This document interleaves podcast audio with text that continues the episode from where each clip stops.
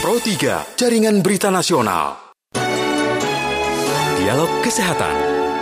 Kami lanjutkan dengan menghadirkan dialog kesehatan mendengar ya. Hari ini kita akan membahas terkait dengan masalah sesak napas ya. Kami akan bersama dengan Profesor Dr. Wiwin Heru Wiyono PhD SPPK dari Departemen Pulmonologi dan Kedokteran Respirasi ya. Dialog ini merupakan kerjasama FKUI dan Radio Republik Indonesia. Saya sapa dulu, selamat pagi Prof.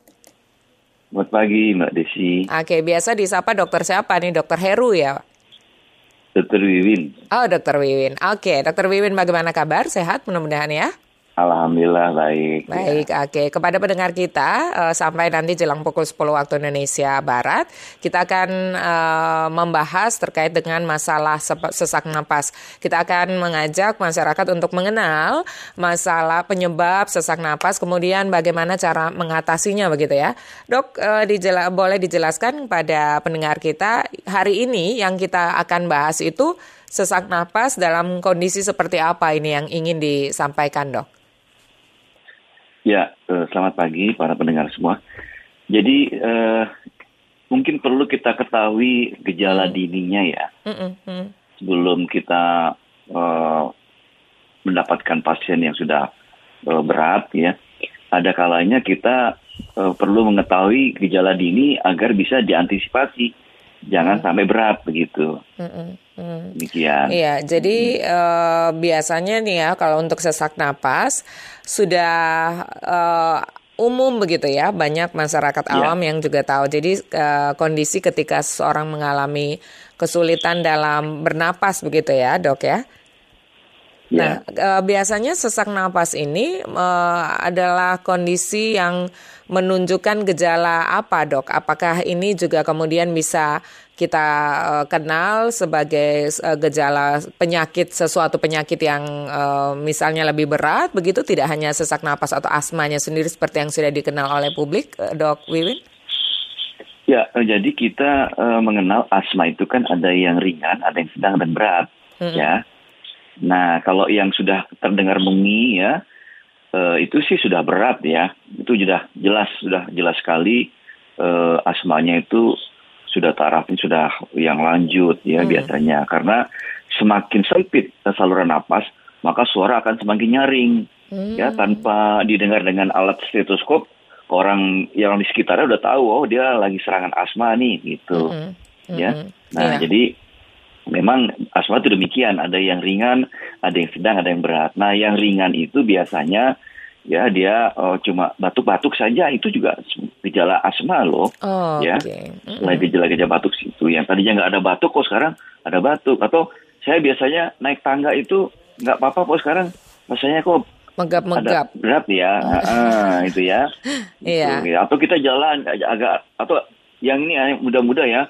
Saya dulu biasanya main bola itu nggak apa-apa. Atau main basket tuh nggak apa-apa. Oh sekarang kok jadi agak, agak susah, berat gitu napasnya. Agak berat. Oh, nah, okay. itu kan ada yang kita sebut dengan Harus... exercise induced asthma. Exercise asma, induced gejala asma. Mm -hmm.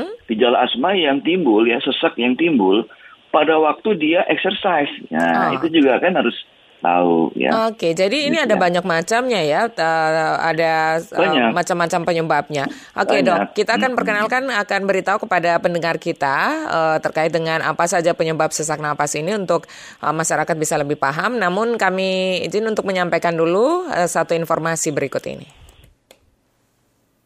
Kilas Berita.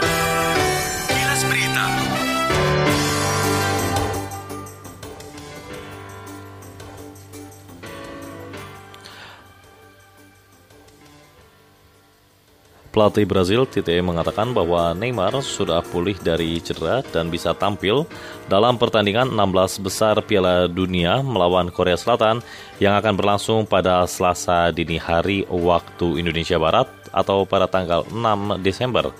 Mega bintang dengan usia 30 tahun tersebut mengalami cedera pergelangan kaki dalam kemenangan pembukaan tim Samba atas Serbia di grup B dan kemudian absen dalam dua pertandingan grup terakhir. Informasi ini dan informasi lainnya dapat diakses di laman resmi kami rri.co.id. Kilas Berita Pro 3. Jaringan Berita Nasional. Postos TBC, temukan dan obati sampai sembuh.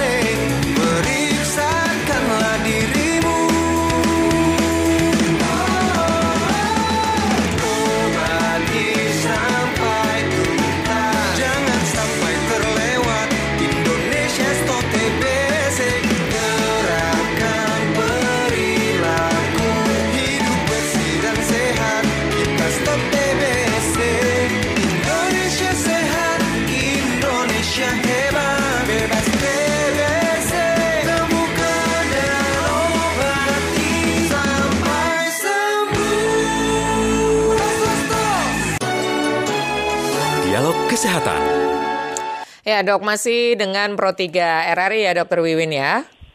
Ya. Baik, untuk mengetahui Ya. jenis-jenis dari napas eh, atau sesak napas ini, kita perlu tahu dulu ya eh, penyebab-penyebabnya. Baru eh, dokter bisa menjelaskan em, kira-kira termasuk dalam jenis sesak napas yang apa. Karena tadi salah satu jenisnya sudah dokter sampaikan tadi ya. Ya. Oke, silakan Ya, dok jadi- eh, penyebab sesak jadi, napasnya. eh, Mm-mm.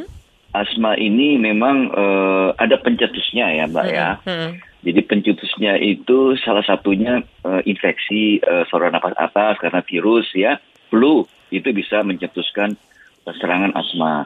Kemudian aktivitas fisik yang tadi saya sampaikan ya, eh, olahraga atau eh, apa eh, aktivitas yang yang membutuhkan pernapasan yang cepat itu, ya seperti lari ya, tiba-tiba harus lari karena terburu-buru, itu juga kan aktivitas, itu juga bisa mencetuskan asma. Atau yang sering pajanan alergen, bisa debu, ya, kemudian bisa asap, ya, asap rokok, ya itu juga bisa mencetuskan. Atau perubahan cuaca, dingin ya, terlalu dingin atau terlalu panas, emosi itu juga bisa Gitu ya? menyebabkan eh, mencetuskan asma. Iya, Hmm, ya. mm, Jadi orang yang misalnya mau mau ujian misalnya kan itu kan stres ya. mm-mm. Nah, itu Bisa bisa bisa kambuh juga itu ya? kalau uh, uh, kalau dia punya bakat asma ya. Oke, jadi, dari itulah pencetusnya yang itu.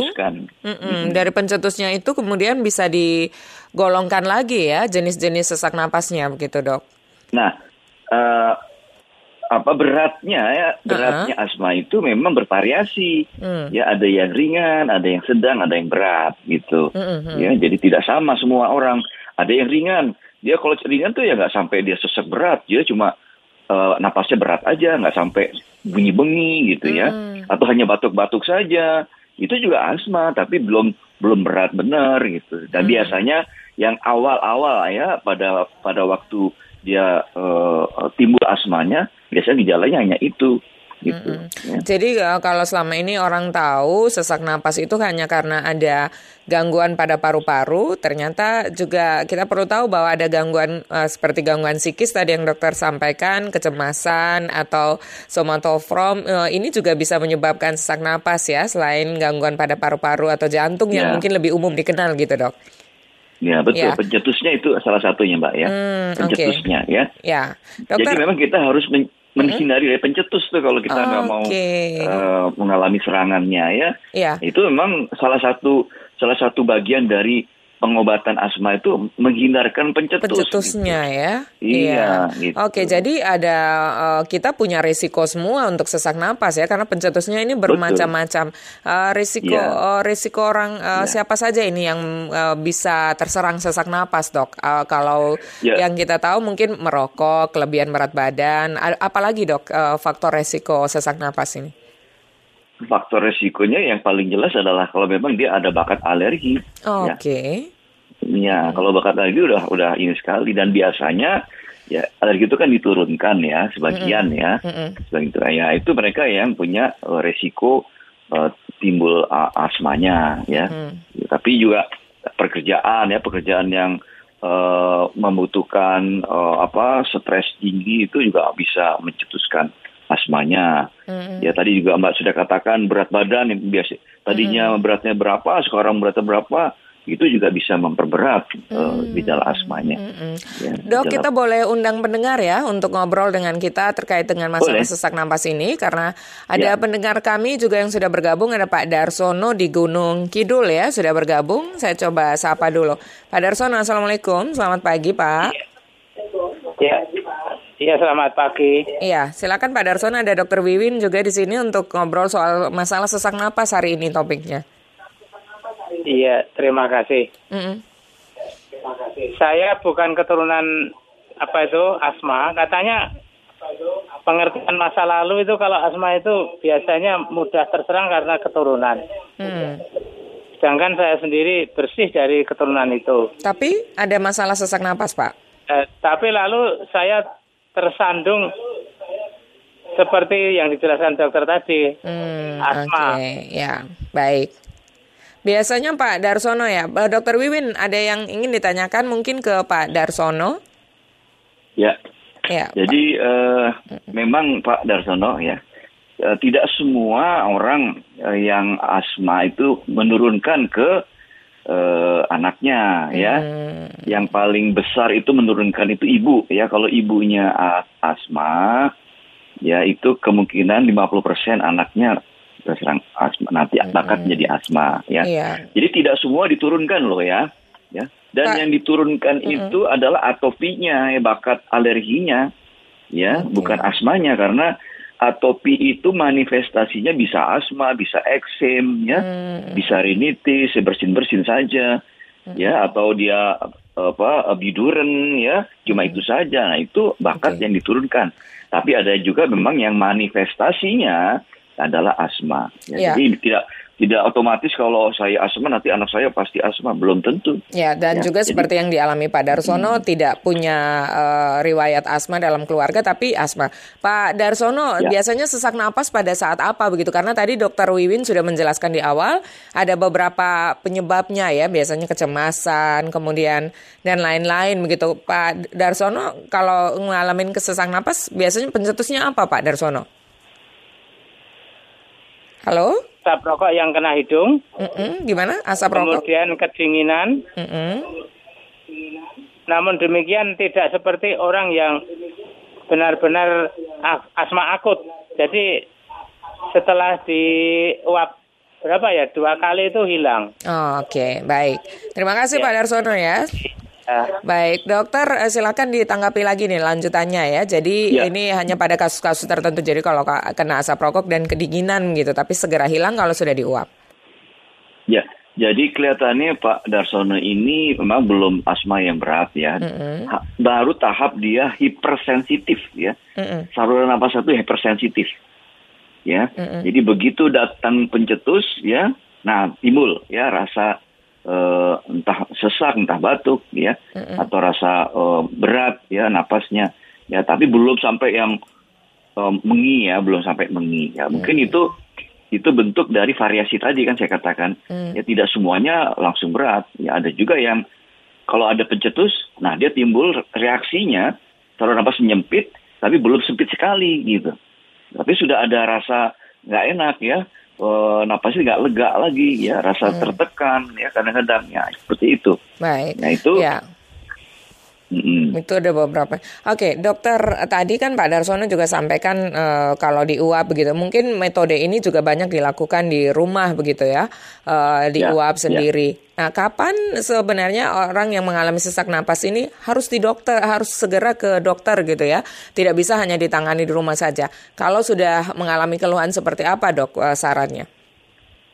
Ya tentunya kalau sudah berat sekali ber- eh, sesaknya ya sampai seperti mengi yang tidak tidak eh, apa tidak kembali dia hilang eh, menginya ya bertambah berat ya Hmm. dirasakan makin berat sesaknya itu harus cepat ke dokter untuk mendapatkan oksigen pertama kali ya Mm-mm. karena orang yang sesak napas itu kan saluran napasnya menyempit sehingga tidak ada aliran udara ke dalam paru ya sehingga dia akan mengurangi eh, mengalami sesak napas yang Baik. berat ya Hmm. oksigen di dalam darahnya menjadi rendah nah itu bahaya untuk otak dan lain-lain Jadi jangan Ya, paksakan jadi di rumah segera. saja ya, harus segera. iya ya kalau memang dengan pengobatan yang biasanya tidak mengu- mengurangi ya tidak eh, kembali lagi dia jadi eh, apa sih kembali normal, Baik. Maka dia harus segera ke dokter, ya Baik. harus mencari pertolongan. Oke, ya. Terima kasih dok ya eh, untuk eh, informasinya terkait dengan